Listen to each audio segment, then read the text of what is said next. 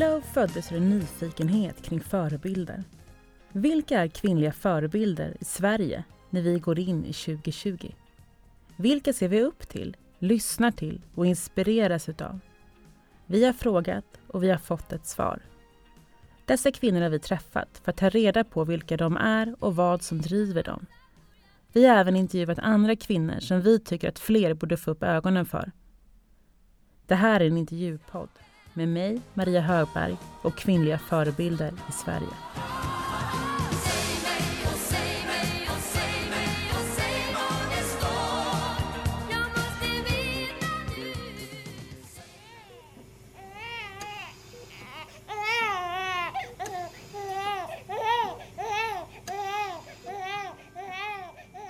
Det ser fint ut, hörde någon säga mellan dina ben.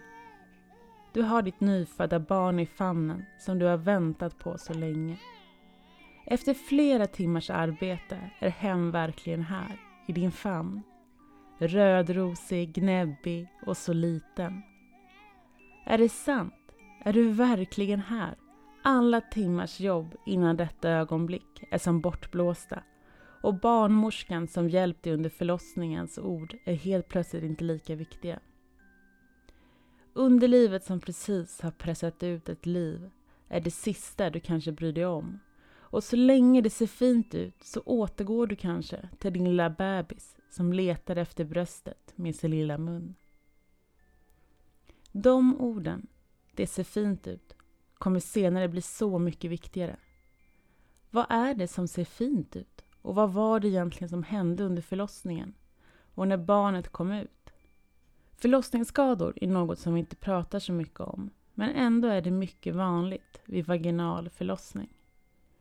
Förlossningsskadorna delas upp i fyra olika nivåer och en som har specialiserat sig på detta är Mia Fernando. Hon är fysioterapeut, specialfysioterapeut, föreläser om kvinnohälsa, bloggar och tar emot patienter med förlossningsskador. Väntetiden för att träffa henne är så lång att hon inte längre kan hantera kön utan släpper tider som blir först till kvarn för de som vill träffa henne. Därför är vi så glada över att hon är här idag och pratar om detta ämne och svarar på era frågor om förlossning och förlossningsskador. Ett område som vi kan sammanfatta med att det finns för lite forskning kring och vetskap om. Men nu kör vi igång intervjun med Mia Fernando. Varmt välkommen hit! Tack så mycket! Det ska bli jätteroligt att få lyssna på dig idag. Eh, och vi har fått in jättemycket frågor också som jag tänker att vi ska försöka att hinna med så många som möjligt. Eh, men jag tänkte börja med att fråga, hur mår du idag? Men jag mår bra. Jag har haft mm. en ganska lugn dag och haft en härlig promenad hit. Så jag är zen-mode just nu. Ja, men vad härligt! Eh, för du jobbar ju med kvinnokroppen och kvinnohälsa. Kan du berätta till att börja med vad det är för någonting? Ja, det är en bra fråga. Vad är kvinnokroppen? Nej, jag skojar. Eh, jag är alltså fysioterapeut som är liksom sjukgymnast, fast det nya, eh, mer internationella namnet på, på yrket. Så att min liksom grund är ju att jag ska kunna saker som alla andra fysioterapeuter, alltså ryggar och knän och ont och så. Alltså så Undersöka muskler och leder och hjälpa till med besvär. Och min nisch är obstetrik, gynekologi och urologi. Alltså allt som rör liksom, graviditeter och eh, underliv egentligen. Mm. Eh, utifrån ett fysioterapeutiskt perspektiv. Så jag är inte gynekolog och inte barnmorska utan jag, jag jobbar med muskelfunktion, smärta, eh, liksom, livskvalitet utifrån det. Liksom. Mm. Och det är väldigt svåra ord. Ja, Tycker du det? Ja. Jag är helt immun ja. mot att förstå att det är svåra ord. Ja. Eh, men Ja, alltså jag jobbar i så fall på ren svenska med mm. kiss och bajs och sex. Ja. Och sen träning, liksom att få kunna belasta kroppen och lita på att underlivet gör det det ska göra. Mm. Ja, det är lite lättare att förstå då. och sen mm. förutom kiss och bajs och sex också graviditeter som mm. ändå är sina egna. Liksom. Mm, som också har med kiss och bajs och sex att göra. ja. Men hur kom du liksom, kan du berätta om, om, om din resa som du gjort? Ja, alltså min resa började med att jag pluggade till sjukgymnast som det hette då. Eh, började jobba, hade ett eländigt första år inom äldreomsorgen som jag vantrivdes med jättemycket. Eh, liksom väldigt ensamt jobb och jag var inte bra på det. Hamnade i primärvård, alltså det som är öppenvård motsvarande typ vårdcentralsnivå av vård. Eh, trivdes desto bättre. Eh, jobbade ganska länge med att göra hembesök till gamla människor som kom hem från sjukhus. Och så. Sen så blev jag gravid och födde mitt första barn. 2012 eh, var det och sen fick jag en jättestor förlossningsskada mm. eh, som syddes. Och, eh, och så hamnade jag hemma med ett liksom så här, oj det här är ju universums trauma. Hur ska jag hantera det här? Hur ska livet bli? Eh, liksom, vad ska hända med mig? Eh, och sen när jag började fundera mer över det så insåg jag att det här är en muskelskada. Det här kan jag. Det här är fysioterapeutiskt. Det här ska liksom, det här är ju rehab. Mm. Man ska hantera sånt här med rehab. Eh, och så började jag leta och leta och leta och det fanns lite information. Det fanns framförallt liksom utomlands ifrån. Eh, och så insåg jag att det här eh, är ju någonting som jag kan bidra med och göra, göra någonting av. Eh, jag började, alltså, vi hade liksom en liten så blogg för närmast sörjande, man ska mm. säga, som liksom brydde sig om vår graviditet. Eh, men ju mer öppet jag skrev om min egen förlossningsskada, desto fler började läsa. Och sen eh, började jag också och liksom verkligen nörda ner mig i att skriva blogginlägg efter blogginlägg om liksom ämnet. Och det har liksom växt. Sen har jag liksom gått igenom två graviditeter och eh, födslar, inte vaginala men kejsarfödslar efter det. Och har liksom blivit specialist inom ämnet, alltså fått en liksom officiell specialisttitel som fysioterapeut. Och jobbar nu bara med sånt. Liksom. Mm. mm. För jag såg att under utbildningen så läste ni en halvdag om om eh, kvinnohälsa. Ja, grundutbildningen innehåller ju liksom så här, och så har man en bäckenbotten mm. och det kan också vara jobbigt att vara gravid. Typ. Mm. Ja. Mm. Och varför tror du att det är liksom, är det så fortfarande eller har det liksom utvecklats där? Tror jag tror att liksom i liksom studieplanen eller liksom i grundprogrammet så är det fortfarande så. Det finns liksom inte riktigt plats för det. Det är väldigt mycket saker som ska få plats på de där tre åren i grundutbildning. Um, men det, det, är, jag tror, alltså jag hörde någon prata om hur, eh, alltså hur folk väljer att skriva sina examensarbeten när de är liksom sista terminen på, på sjukgymnastutbildningen eller fysioterapeututbildningen. Att det är liksom så här, åtta av tio som skriver om kvinnohälsafrågor. Mm. För det, är liksom, det har verkligen vänt. Men när jag pluggade då var nog bäckenbotten fortfarande liksom det skämmigaste man skulle... Alltså det var verkligen så här, det lägsta man skulle kunna landa mm. och jobba med som fysioterapeut. Mm. Och vad, vad liksom, när du började skriva om det här så började du också få liksom större intresse och massa frågor och så. Um, vad var liksom de vanligaste liksom reaktionerna och frågorna från början? Eh, den vanligaste frågan är nog så här, jag har det här, det här, det här, det här, det här, är det normalt? Mm. Eller så här, jag har det här, det här, det här, det här, vad ska jag göra åt det? Eh, mm. liksom, och det kan ju vara, jag, det gör ont när jag har sex, eller jag kan inte kissa helt, eller jag, det är svårt att bajsa, eller eh, Eh, det, ja, jag läcker eller så vidare. Det är liksom, eh, jag har svårt att säga den vanligaste mm. frågan för det rör liksom många kroppsfunktioner men det rör nästan alltid bäckenbotten skulle mm. jag säga. Eller liksom underlivsorganen i mm. förhållande till bäckenbotten. Men just det här liksom, som du säger, är det normalt? Att det liksom ändå var vanligt förekommande? Ja, och det är ju jag tror att det, den frågan kommer för att man har, alltså många har något slags symptom efter en kanske en genomgången graviditet om jag tar det som exempel. Och så går man till vården och så får man höra så här, lilla gumman, det blir så när man har fött barn. Mm. Eh, så man får höra från vårdhåll ganska ofta att det är normalt och så känner man så här, men det kan ju för inte vara normalt. Mm. Eh, så det är ju liksom ofta nästan en second opinion fråga. Eh, för att liksom många går omkring med en känsla att det här är, kan ju inte vara helt normalt. Mm. Eh, så det är också en liten misstrofråga mm, och eh, ja, liksom, och man, det enda man får i, i många fall när man söker vård är liksom universalsvaret, knip mer. Och mm. det hjälper liksom inte alla. Nej, och jag tänker också så här, bara för att det är normalt så betyder ju inte att det är okej. Utan och om man inte gör någonting åt det så blir det ju normalt fast det ändå inte är okej. Nej men och jag tänker ja. att alltså, det är liksom också en devis inom min bransch. Det är vanligt förekommande men det är mm. inte normalt. Alltså, en, eh, funktionsnedsättning är ju inte normal även om den finns hos mig och alla mina i mammagruppen. Liksom. Mm. Men om du liksom när du märkte, när du, när du liksom hade fött ditt första barn och eh, liksom förstod att det här är ett ämne som, som du vill fördjupa dig i, hur tog du, liksom, hur tog du dig an ämnet då? Jag har spenderat alltså alldeles för många timmar i medicinska databaser och läst studier in absurdum. Mm. Mm. Och hur, hur, hittar du allt det? Liksom? Men det finns en, en, liksom en samlingsplats som heter PubMed. Det är där man hittar liksom vetenskapliga artiklar inom liksom medicin. Eh, så det är där jag har liksom mina sökord och mina återkommande sökningar. Så fort det kommer något så läser jag det och försöker liksom eh, förstå och begripa och sätta det i ett sammanhang och sen skriva ett blogginlägg som blir begripligt oftast. Ja. Så all den här tiden liksom som du ändå har lagt ner då på det här, liksom, vad, vad, är det du har, vad är du har sett? Vad är det du har kommit fram till?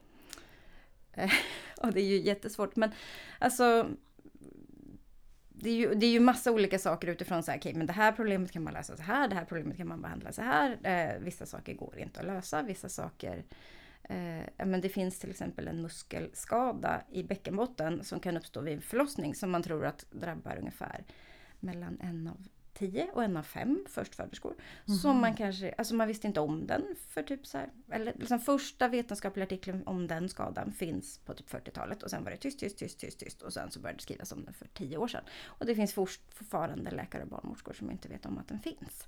Eh, mm. och det är en ganska stor så här, funktionsnedsättande skada hos en del. Liksom. Mm. Eh, och det här är ju lite så här Ja, det är helt otroligt. Ja, och då, är så här, då blir man lite så här, ja men just det kvinna, att en kvinna är en nitlott. Mm.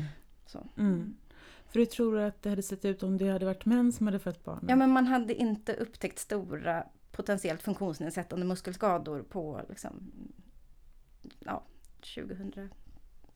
Alltså så mm. Mm. Men jag tänker ändå liksom, du har ju ändå sett det här och liksom verkligen gjort någonting, någonting åt det. Alltså verkligen satt dig ner och gjort dina timmar för att gå igenom allting. Liksom. Och om man tänker då som, som kvinna, liksom, vad, vad är det, vi, vad är det liksom vi behöver veta och vad är det liksom som vi inte får reda på när det gäller vår bäckenbotten egentligen? Ja, men dels behöver man ju veta vad, alltså vilka funktioner man ska ha. Alltså man ska kunna hålla kiss, man ska kunna hålla bajs, man ska kunna släppa ut kiss, man ska kunna släppa ut bajs. Alltså det ska inte vara liksom bekymmer kring det. Och man ska också kunna släppa in alltså penetration eller annat. Mm. Eh, och sex ska vara njutbart. Det är ju liksom grundfunktionerna. Eh, och man behöver veta att om man, eh, liksom, det kan ju också vara uppstå saker innan graviditet eller liksom annat. Alltså det är inte bara det. Eh, men att har man en funktionsnedsättning i de områdena så har man ju rätt att få, få hjälp. Eh, alla grejer är inte så här, jaha, nej men det löser vi lätt så här. Alltså det finns alltid saker som är svårbehandlade eller så. Men eh, man har alltid rätt att få hjälp. Det finns nästan alltid saker man kan göra för att folk ska må bättre. Eh, och man ska inte bli negligerad i alla fall med så här, någon liten lilla gumman-attityd. Mm. För jag läste rätt många som, som kommer till dig har just fått det där Alltså lite ja, ja. Mm. Det är så det blir. Eller liksom. De inte blir tagen på allvar. Det finns ju en väldigt spännande hashtag och ett väldigt spännande Insta-konto som jag inte alls har med att göra men som heter Allt ser fint ut. Mm. Som är liksom berättelser Alltså berättelse efter berättelse efter berättelse där folk berättar så här, det här har jag sökt vård för och där jag har fått höra att allting ser fint ut och sen så eh, liksom, i bästa fall har man kämpat sig vidare och sen har man fått hjälp. Men eh, det är ett otroligt spännande flöde som är absolut värt att kolla på. Speciellt om man har lust att bli lite eh, upprörd och eh, få lite energi att göra saker här i världen. Mm. Men om man tänker typ att om någon säger så här, allt ser fint ut då? Vad är det de tittar på då? Ja men nu om jag går till mig själv. Jag mm. födde mitt barn, jag fick en svinkterskada, alltså en skada som går från slidan hela vägen ner till liksom, eh, ändtarmen och igenom ändtarmen upp i liksom, slemhinnan i tarmen. Alltså den största bristningen. Eh, och jag blev sydd på operation efter min skada. Eh, enligt vad jag fick höra, liksom den bästa läkaren som sjukhuset hade uppbådat, typ. Eh, och så går det år eh, och jag kan springa, jag har liksom sprungit maraton, jag kan ha sex, alltså livet funkar. Men jag kan inte hålla fisar och liksom, det blir för bråttom när jag blir bajsnödig. Eh, och jag söker vård för det här och jag får upp, liksom också höra upprepade gånger att det här ser fint ut. Man kan kolla liksom, estetiskt, man kan vispa runt lite i någon slags synundersökning och säga att Nej, men, liksom, det här ser, det ser fint ut. Eh, och jag, liksom, under den här åren så växte ju mina kunskaper själv kring så här, nej, alltså det här är en avvikande anatomi ändå. Så jag också kämpar mig vidare eh, och kommer ju till, liksom, det finns ju också bra vård, så jag hamnar Mm. hos en av de bra eh, vårdgivarna. Och får liksom se att, nej men vänta, ingen av de musklerna som skulle sytts efter din förlossning blev sydda. Eller möjligtvis att de blev sydda men att det inte har liksom läkt. Eh, och det liksom på utsidan har det, alltså det har ju suttit hud där det ska vara hud och så vidare och blygdläppar där det ska vara blygdläppar ungefärligt. Eh, men liksom, funktionen är, var ju nedsatt även om jag liksom om man bara till exempel kollar på knipstyrka så hade jag liksom, mm, jag hade ett bra knip med vissa muskler men vissa var helt, liksom, helt borta. Men, Eh, så jag fick gå igenom en till operation och sådär och det är ju liksom lite grann storyn om mina patienter också. men alltså hur är det liksom ens möjligt? Alltså hur, hur kan då den bästa läkaren inte veta om vad den ska göra? Ja, för att Alltså det här blir nästan så här konspirationsteori. Alltså Ja. så här, men jag, och jag, det här är liksom min vardag som jag också är så här, Ja. Jag pratade om det här som att alla skulle veta det här. Men eh, för att bäckenbottenanatomin är extremt avancerad. Också när det är liksom, man är helt nyförlöst så är det köttfärs. Alltså det är jättesvårt att pussla ihop. Men också att grundkunskaperna eh, hos en del av de som har som kompetens att sy eh, har varit extremt bristande under åren. Ehm, så att det... Ja, Men de vet inte, alltså, du, menar att de, vet inte vad de ska sy? Nej, alltså Nej. jag tror att det har varit så att man, in, alltså att man inte riktigt har vetat liksom, hur ska jag få ihop den här tåten i den här tåten och den här i den här. Liksom. Och heller inte riktigt vetat vad man ska leta i i den allmänna röran efter en förlossning. Men gud. Så om man skulle kolla då liksom på, på, på 100 liksom kvinnor som har förlöst barn.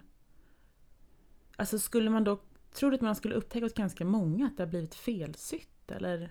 Alltså, nu, nu, men extremt svartvitt i min värld, för jag träffar ju bara alla de som Ja. kommer. Så Ja. jag, jag, är så här, jag har hört att det finns personer som inte har besvär där ute. Ja. Men i min värld så är det nog att jag åtminstone liksom upptäcker en patient om dagen som är felsydd eller defektläkt eller vad man ska säga som jag får liksom försöka liksom remittera vidare.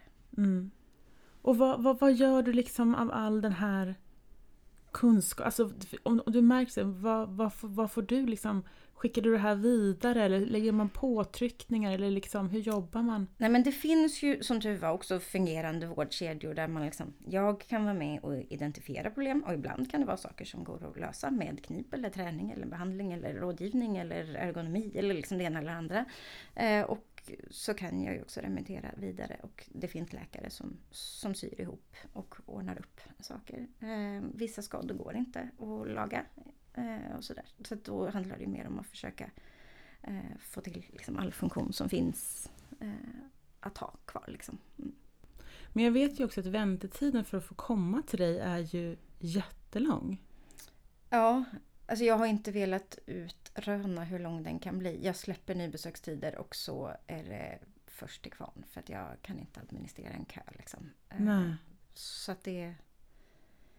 Jag tror att sist jag hade liksom en väntelista var det fyra, fem månader kanske. Ja. Mm, Men och det, nu får det bara vara så här, det, det hugg den tid om du ser den och sen får alla andra vänta. Så. Ja, för jag tänker att det låter ju liksom, alltså just det här att bli tagen på allvar både känslomässigt och, och em, fysiskt. Alltså om behovet, jag förstår att behovet blir så himla stort utifrån att få komma till någon som faktiskt tar en på allvar. Men liksom hur, hur, hur kan man få liksom fler som jobbar som du gör? Jag, alltså, jag har gott hopp om mitt yrke, alltså min profession. Det är väldigt många liksom, fysioterapeuter som är på väg till en specialist inom kvinnors hälsa. Eh, och jag, jag tror att vår profession är ganska lämpad just, alltså så här rehab in, ingången till att liksom, hjälpa människor med besvär är ganska bra. Liksom. Ehm, så att, liksom, min profession har jag hopp Mm. för, men alltså vi är inte många ändå. Färdiga specialister inom mitt område är kanske 20 stycken i hela Sverige. Eh, sen vet jag liksom många, många fler som liksom jobbar inom området utan att vara liksom specialist, specialister än. Ehm, och de är fantastiska också. Mm. Eh, men sen så tror jag, jag tycker mig också märka att det är liksom ett litet så här, attitydsbyte även inom liksom andra professioner. Mm. Eh, och liksom, För jag tänker, du jobbar ju med det som händer efter liksom. Och egentligen så tänker jag att det, det man vill är ju också att du inte ska behövas. Ja, ja, ja absolut. Då har man ju liksom uppnått det. Mm. Eh, så liksom, hur ser liksom forskning ut på det här ämnet? Eh, ja men det forskas mycket skulle jag säga, alltså från barnmorskehåll om liksom åtgärder, förebyggande åtgärder och sånt också. Från läkarhåll, så här, hur ska man sy? Eh, hur ska man se ut? Hur ska musklerna? Alltså så här, det, jag tycker att det, eh, det finns gott hopp om forskning och god utveckling eh, framåt. Alltså om man tänker att det är mycket som inte har hänt alls bakåt i tiden så händer det mycket nu. Eh, jag har, brukar ha, jag har ju en blogg, varje december brukar jag ha en forskarkalender när jag bjuder in forskare att mm liksom gästblogga. Mm. Eh, och jag tycker att det är nästan bland det bästa jag gör. Att bara ut, ge dem utrymme och berätta så här, det här brinner jag för, det här gör jag. Eh, och det är så otroligt hoppfullt att läsa om alla de som verkligen brinner för att här, forska fram eh, också. För det blir ju underlag till vad vi vårdgivare sen kan göra eh, bättre. Eh, så det, ja, ja, det finns väldigt många bra fascinerande svenska forskare faktiskt på, liksom inom kvinnohälsa. Mm, så det, det, finns bra forskare. Och liksom hur ser det ut sen då? Um, själva akut, när man, när man förlöses, jag tänker det här med att man syr ihop fel. Alltså hur ser utbildningarna ut där för att man liksom ska förstå hur ett kvinnligt underliv ser ut? Ja, men jag tror att det har hänt jättemycket där också. Alltså det har ju varit eh, liksom en regeringssatsning på kvinnohälsa med pengar som pytsats in i kvinnosjukvården. Jag ska säga så här, barnmorskor har i alla tider gjort allt vad de kan för att det ska bli bra. Det här är liksom inte något nytt, att, det är liksom, att man gör det bästa för kvinnorna.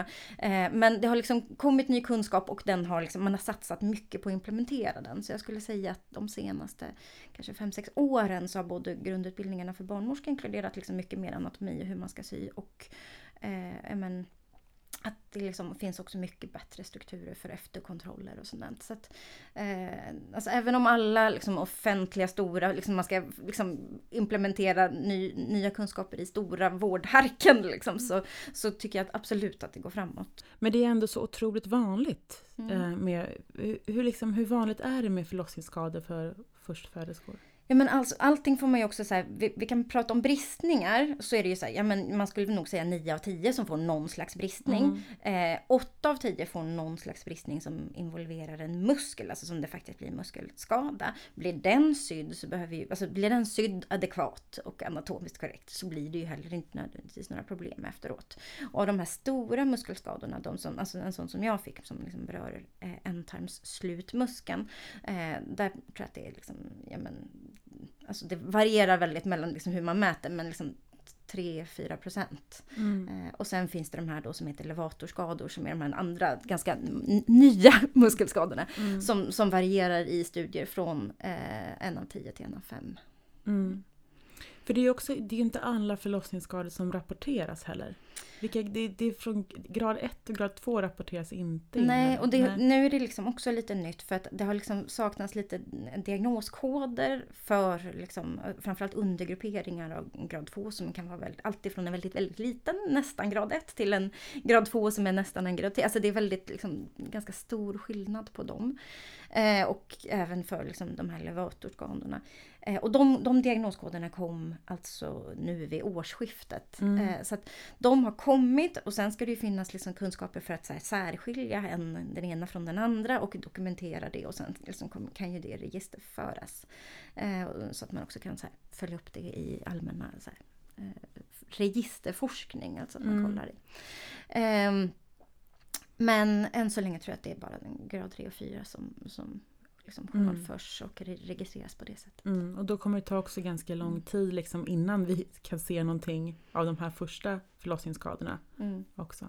Men när liksom, nu är ju inte du liksom någon spåkvinna, men när tror du liksom att vi kommer se någon förändring kring det här? För det låter ju ändå ganska hoppfullt att det ändå händer lite. Mm. Eh, och att det finns många som, bara att du har ägnat all den här tiden som du har gjort och läst igenom allting, men också liksom lyfter upp eh, forskare i dina kanaler och allt sånt. När, när tror du liksom att vi kan börja se förändringar kring det? Men jag, jag tycker att det är oändligt stor förändring de senaste fem åren. Alltså så här, när jag födde mitt barn 2012, då var det så unheard of att så här, gå ut och bara hej, jag är analt inkontinent efter att jag födde barn. Alltså det var så mycket, dels så här, vad är det du berättar om? Och dessutom så här, du måste hålla käft för du skrämmer folk.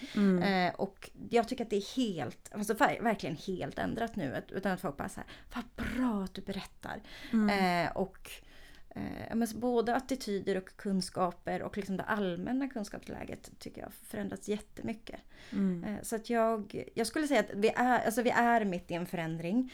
Det kommer ju naturligtvis dröja jättemånga år innan vi är helt som vi hade varit om det var män som födde barn. Ja. Alltså, så. Men eh, jag är jag är hoppfull ändå. Alltså, och väldigt tacksam för att vi är här idag. Alltså, jag, jag, jag, ja.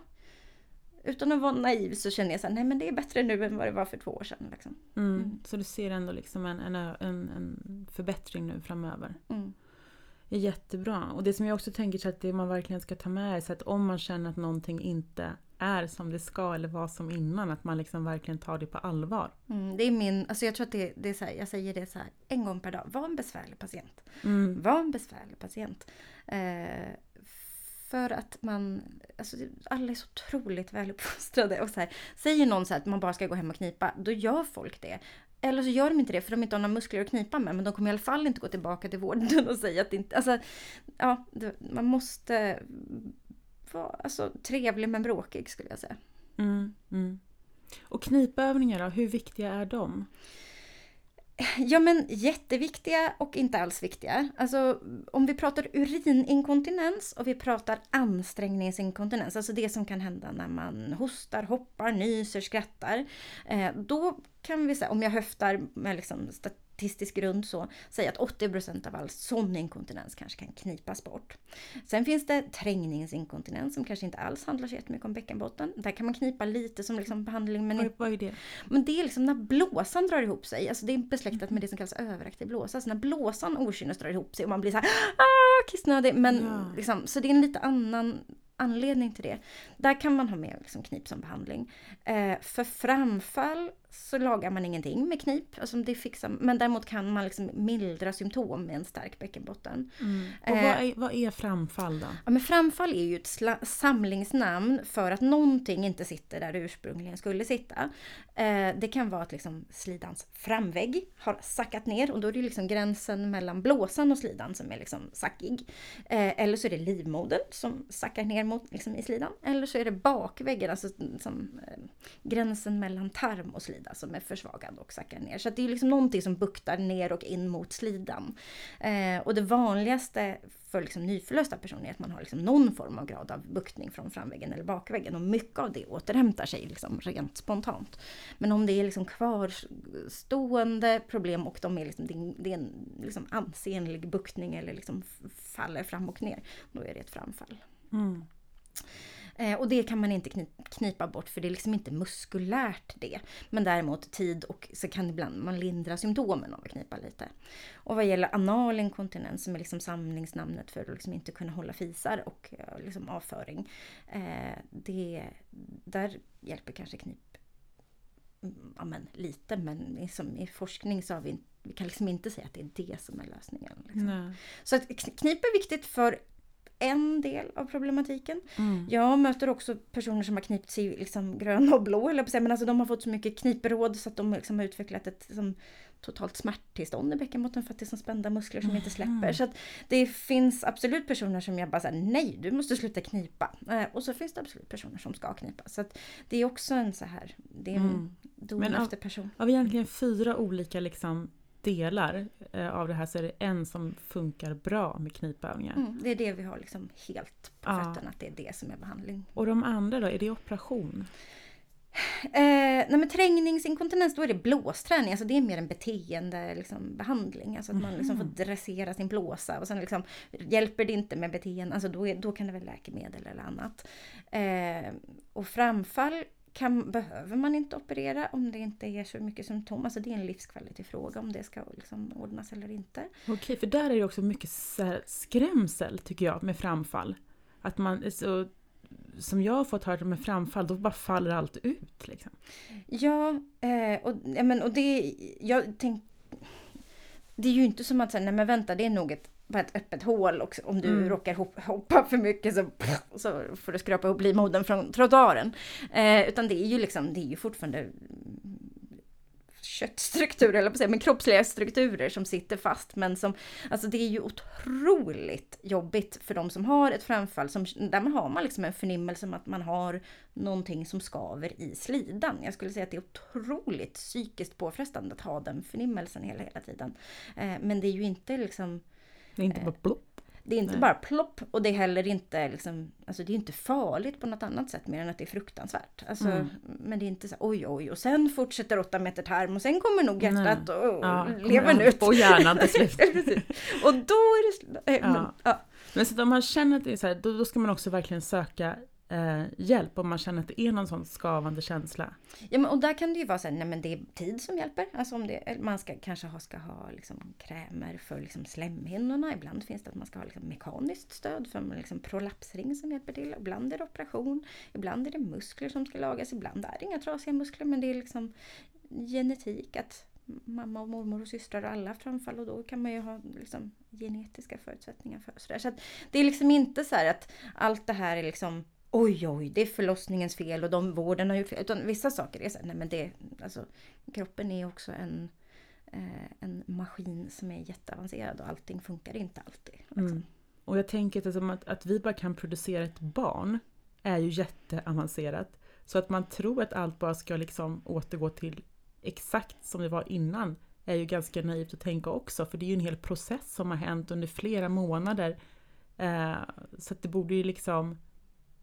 Men det, jag känner bara som att det här får man ju inte reda på innan man, man blir gravid eller föder barn.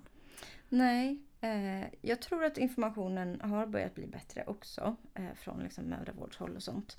Eh, men nej, alltså jag tänker att en del av det här hade jag gärna gått till så här högstadieskolor och bara inte så här, man kan få framfall, men så här, Mm. hej vet ni om att det finns en bäckenbotten och den funkar så här? Ja. Och, alltså också utifrån att, alltså en ganska mycket om man tänker inte som har med graviditeter och förlossningar att göra, men samlag, smärta och liksom orgasmfunktion och massa sånt. Är liksom jätte anatomiskt och fysiologiskt liksom Mm. betingat och går att göra saker åt om det är problem och sådär. Så att, eh, ja, jag tänker att så här, det finns jättemycket som är med, liksom, med kvinnokroppen och ren anatomi som allmänheten hade behövt veta. Mm, mm. Och när tror du, som tror att vi kan få ut det här i som grundundervisningen? Jag tänker att det kommer väl sakta också. Jag, tänk, jag tänker lite på eh, typ RFSU som har liksom haft, de har ju haft en sån här i sina sociala medier, en klitoris liksom 3D-modell liksom. Och det är ju verkligen så här, de har gått på, runt på stan och frågat vet du vad det här är? Och liksom hälften bara ja, ja, det är klitoris och hälften bara nej. Eh, så att jag tänker att vi har ju börjat det finns ju lite sånt liksom, upplysningsmässigt och jag tänker att det eh, finns ju fler, mer saker än klitoris i vår anatomi som behöver uppmärksammas. Mm. Och man, blir- man blir bara lite så stressad, tänker jag. Alltså jag blir lite det när man så här märker bara att shit vad jag har, vad jag har missat mycket under, under mitt liv hittills. Eh, och vad mycket folk kommer missa om vi inte liksom snabbar på Mm. utbildningsprocessen. Och just det här bara oron som jag liksom vet själv liksom att jag, jag hade och som jag tror att många har som är i kontakt med dig också. Att den är ju också att man bara liksom så här, är det här normalt? Mm. Funkar det? För jag läste också på en sån här, sån här lyckokaka. Eh, så stod det så här att hårt jobb dödar ingen men oro. Mm. Att det är liksom det är det som kan gro i oss så himla mycket. Mm. Eh, så att jag tänker bara för det, för liksom det psykiska välmåendet hos alla kvinnor liksom, så behöver ju kunskap om att saker är eh, förekommande för så många fler. Och jag kan tänka mig att det är därför din, din blogg också bara liksom exploderade när du började prata om det, för det finns ett sånt, sånt behov. Liksom. Mm. Jag tror att att bara säga, det är inte bara jag. Alltså det är, ibland tror jag att det är det, mm, liksom den största insatsen jag gör. Att bara så Mm. lägga fram, man kan må så här eller så här. Mm. Eller så här.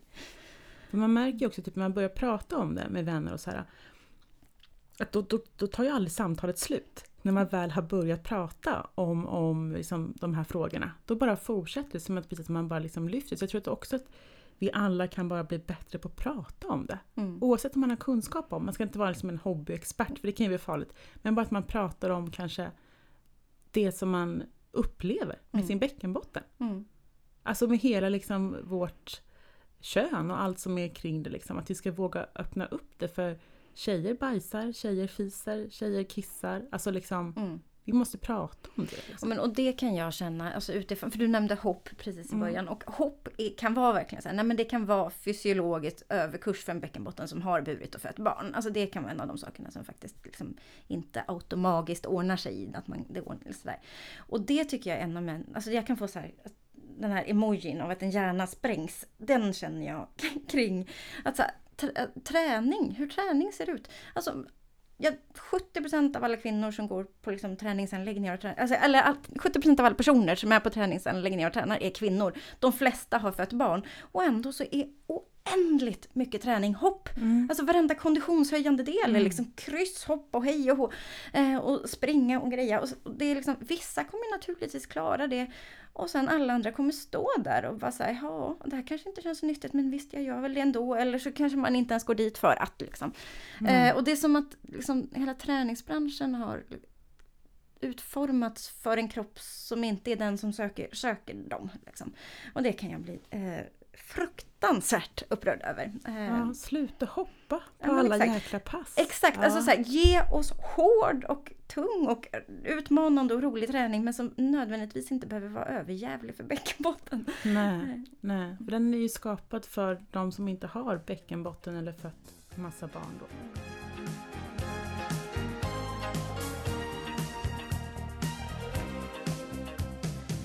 Nu har vi fått in jättemycket frågor och som vanligt, det här är så... Jag, jag, jag känner bara att jag blir så här frustrerad. Alltså, du vet, att man, men också så att det är så jäkla intressant. Så att det är ja. Du behövs. Men det är en som är gravid och undrar vad som är bäst, vaginalt eller kejsarsnitt vid förlossning.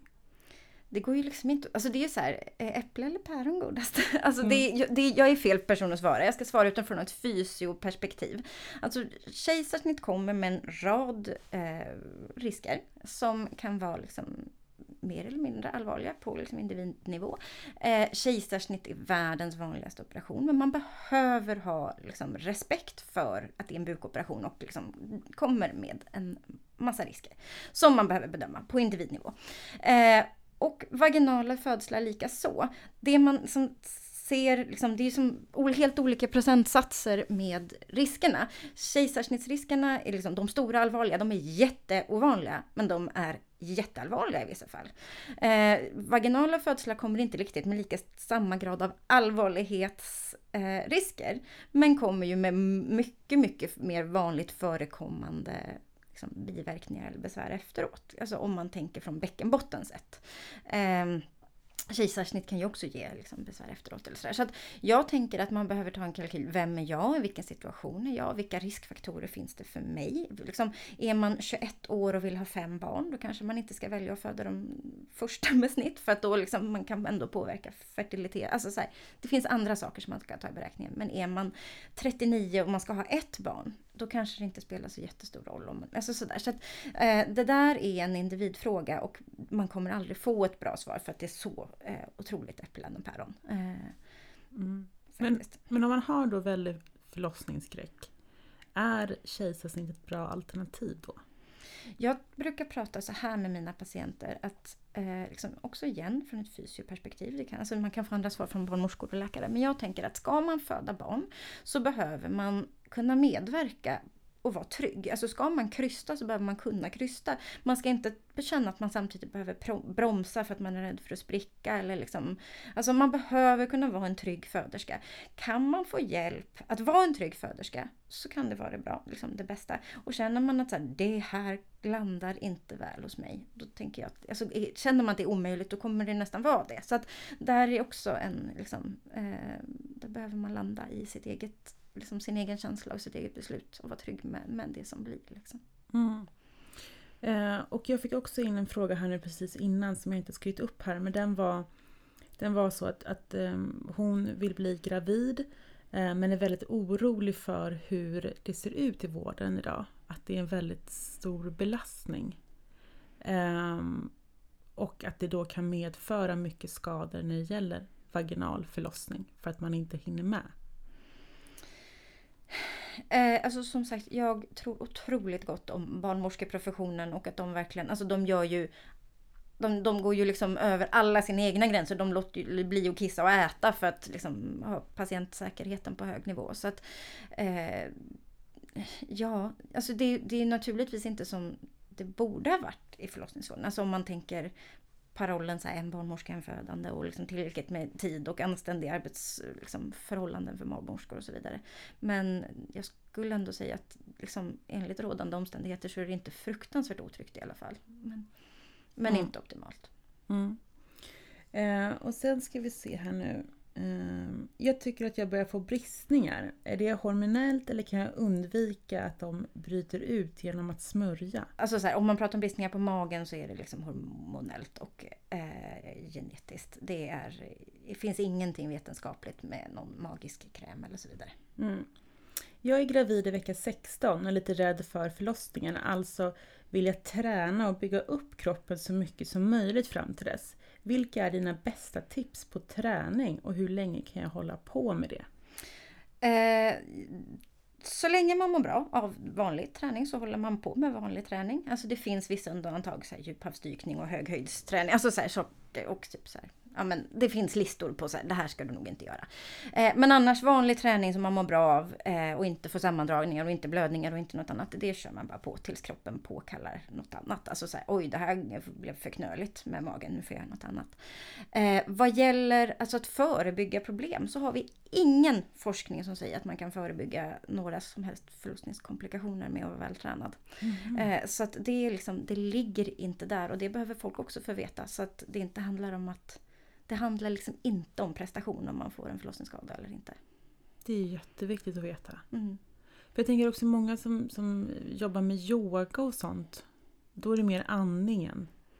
Kan det påverka förlossningsskador? Eh, jag tror att det kan ju säkert påverka liksom lite så copingstrategier, alltså hur man kan ta emot, alltså gå in i sig själv, ta emot smärta, andas, slappna av. Alltså mycket av det jag pratar med mina patienter om inför förlossning, att klara av att slappna av på kommando, klara av att kunna slappna av fast det gör ont, alltså att man inte bara spänner sig mer och mer och sådär. Eh, jag tror också att det finns några studier som faktiskt på, påvisar att typ yoga kan påverka lite förekomsten av förlossningsdepression och sånt. Alltså, eh, postpartum depression ska man säga, inte förlossningsdepression. Eh, men i alla fall, det, är liksom, det finns liksom egentligen inga, med någon träning, med någon eh, smörja, underlivet, alltså så det finns nästan ingenting som är så här, det här kan du göra för att liksom, för att det inte ska hända dig någonting. Utan det handlar jättemycket om hur stort barnet är, hur lång förlossningen är. Att liksom, alltså massa yttre faktorer som är ja, men mer eller mindre påverkbara men inte två månader innan. Liksom. Mm. För det som jag också så här, typ inför min första förlossning så hörde jag att barnmorskan ska så här, trycka in barnet igen. För att det liksom inte ska komma ut för fort. Är det någonting som kan påverka? Eller? Det barnmorskan ska göra är att hålla emot mellangården, alltså ett perinealgrepp. Alltså med liksom, hjälpa liksom vävnaden att liksom hålla en stöttning, alltså så när barnet... Liksom, och att tajmingen, alltså hur man verkar, hur man krystar, hur liksom långsamt framfödandet blir. Det är liksom det viktigaste. Så handgrepp och långsamt förlopp. Mm. Lagom långsamt, för det får inte vara för långsamt. Nej, men kan man prata med barnmorskan? Kommer du använda det? Alltså kan man på något sätt, liksom, om det är ett sätt att inte få förlossningsskador, eh, kan man prata då när man kommer in? Alltså det, det, tycker jag nästan att man kan ta för givet att barnmorskorna ja. kommer göra allt vad de kan. Ja. Alltså med liksom handgrepp och sånt. Det är mm. liksom, det, det, det, är liksom, det är standard. Mm. Eh, sen är det väl om man liksom råkar föda innan barnmorskan har hunnit in på rummet. Alltså så här, det, det, kan naturligtvis hända saker. Liksom, mm. Men annars mm. är de där. De så. har koll på allting. Det är liksom deras, deras Ja. Mm. Men då tänker jag så här, vad kan man då påverka? För man kan inte påverka någonting innan. Och barnmorskorna vet precis vad de ska göra. Så när uppstår liksom? Men det är äldre mamma svårt att påverka, alltså man blir ju gravid när man blir gravid. Eh, stora barn, stora huvuden på barn, alltså så här, det är inte heller, det är liksom, barnet ska ju komma ut någon, på, liksom på något sätt. Långa krystskeden, alltså om det blir liksom, man krystar i flera timmar, så det är långt så det kan vara lite anatomin, alltså om man har liksom kort mellangård från början. Eh, alltså, och, det, liksom, och sen om det skulle av någon anledning bli någon liksom, komplikation som gör att man behöver ta ut barnet med sugklocka till exempel, då ökar ju risken för brista. Mm. Eh, men det är liksom det finns, eh, jag kan också nämna den, det finns en fantastisk liksom, lärportal som heter backenbottenutbildning.se som är för liksom, vårdgivare men som är otroligt bra vad gäller olika diagnoser, förlossningsställningar, vad, vad vården ska göra för att liksom, för, alltså, förebygga skador och vad man gör efteråt och sådär. Eh, den är otroligt bra även för liksom, patienter och allmänhet att ha liksom, läst på. Mm. Så då kan man säga kort säga så att förlossningsskador är ingenting som man kan påverka före eller liksom under. Utan det är, det är omständigheter som påverkar dem. Ja men jättemycket omständigheter och timing och liksom sådär. Men det är liksom inte... Eh, det handlar aldrig om att man har varit en dålig födande liksom, eller en dålig prestation i det. Liksom. Mm, mm. Ja men det är jättebra att vi liksom, punkt, mm. så är det.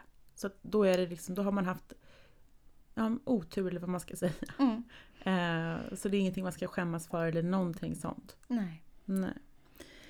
Eh, ska vi se här. Eh, varför jag har ont i svanskotan både innan förlossningen och nu veckor, åtta veckor efter förlossningen? Innan, alltså under graviditeten, så kan det vara ett uttryck för det som förr kallades foglossning, men som vi kallar nu graviditetsrelaterad bäckensmärta. Alltså att man kan få liksom så pass uppmjukade leder att det liksom även rör lederna i svanskotan och att när man sitter och är större än vanligt och tyngre än vanligt så blir det en jätteökad belastning på svanskotan. Så när vi sitter så sitter vi på vardera sittbensknöl och svanskotan. Det är liksom en liten tripod som vi sitter på liksom, och svanskotan får jättemycket tryck då. Eh, så att en del, liksom, en del kan det, för en del kan det vara en, liksom en, en del av graviditetsprocessen. Så. Eh, efteråt kan det vara att man har fått en stukning på svanskotan vid förlossningen eller att det är liksom drag och tryck i musklerna som har liksom, alltså bäckenbotten fäster i svanskotan. Så har man fått någon, någon muskelskada eller så, så kan det ibland vara att det liksom uttrycker sig som en, som en svanskotesmärta. Eh, vanligtvis så är det liksom en stukning och man ska låta bli att sitta och belasta på det och så läker det ofta ganska bra. Men det finns personer som får långvariga svanskotebesvär. Man kan behöva behandling för det men oftast blir det bra. Mm. Hur lång tid tar det för bäckenbotten att gå tillbaka till liksom Alltså den går ju aldrig helt, alltså även när den är hel så blir den aldrig som förr men alltså minst ett år skulle jag säga. Jag tycker en del av liksom stödjevävnads, alltså sista slutspurten av återhämtning, i alla fall 18 månader. Mm. Och om man tänker då på träning då, det optimala liksom, träningen efter? När ska man börja och hur ska man träna? Och... Alltså, man behöver, alltså bäckenbotten som liksom muskelgrupp vidgas över 300% när man föder barn. Den är liksom inte en kontraktil muskel, alltså en muskel med svung i när man har fött, utan det är liksom en konsistens mer.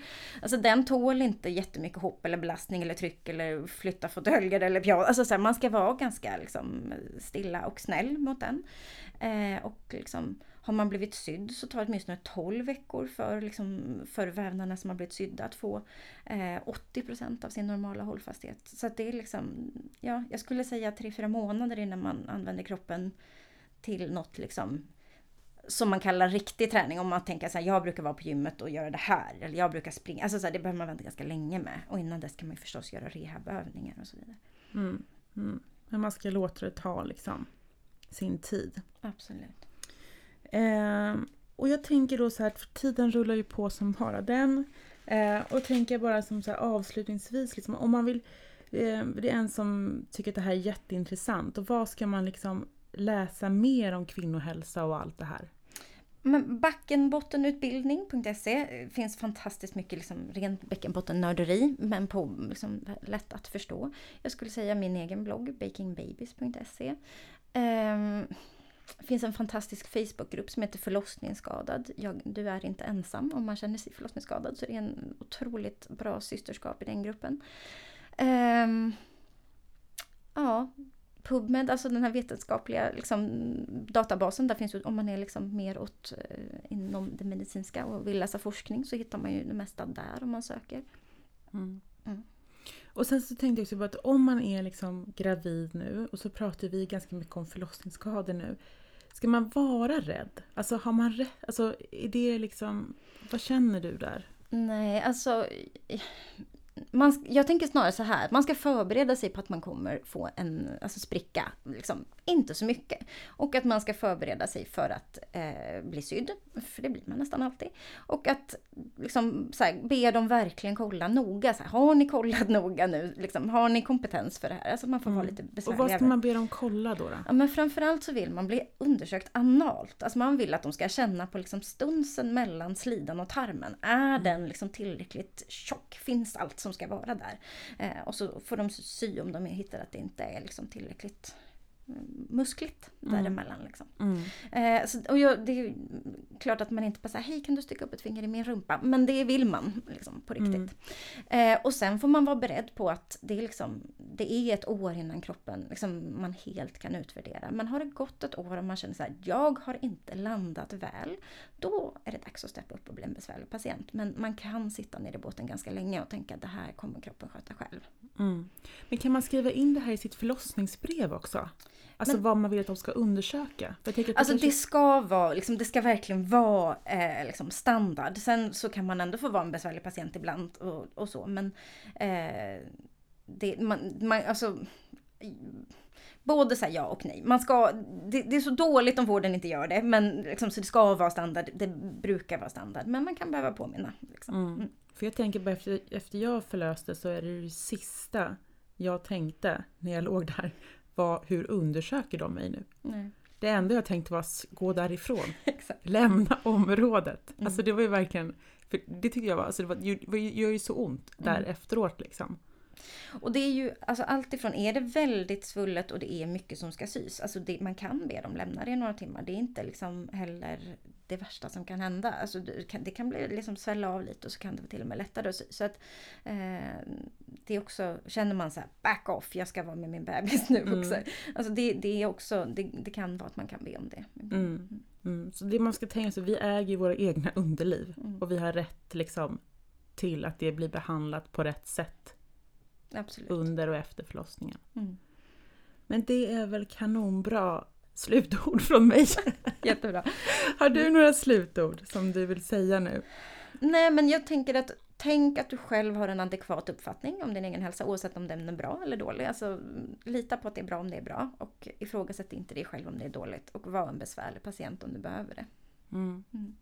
Tack så jättemycket för all den tiden du har lagt ner på det här och för att du kommer och gästar oss och utbildar oss i det här ämnet. Tack för att jag fick komma. Tack.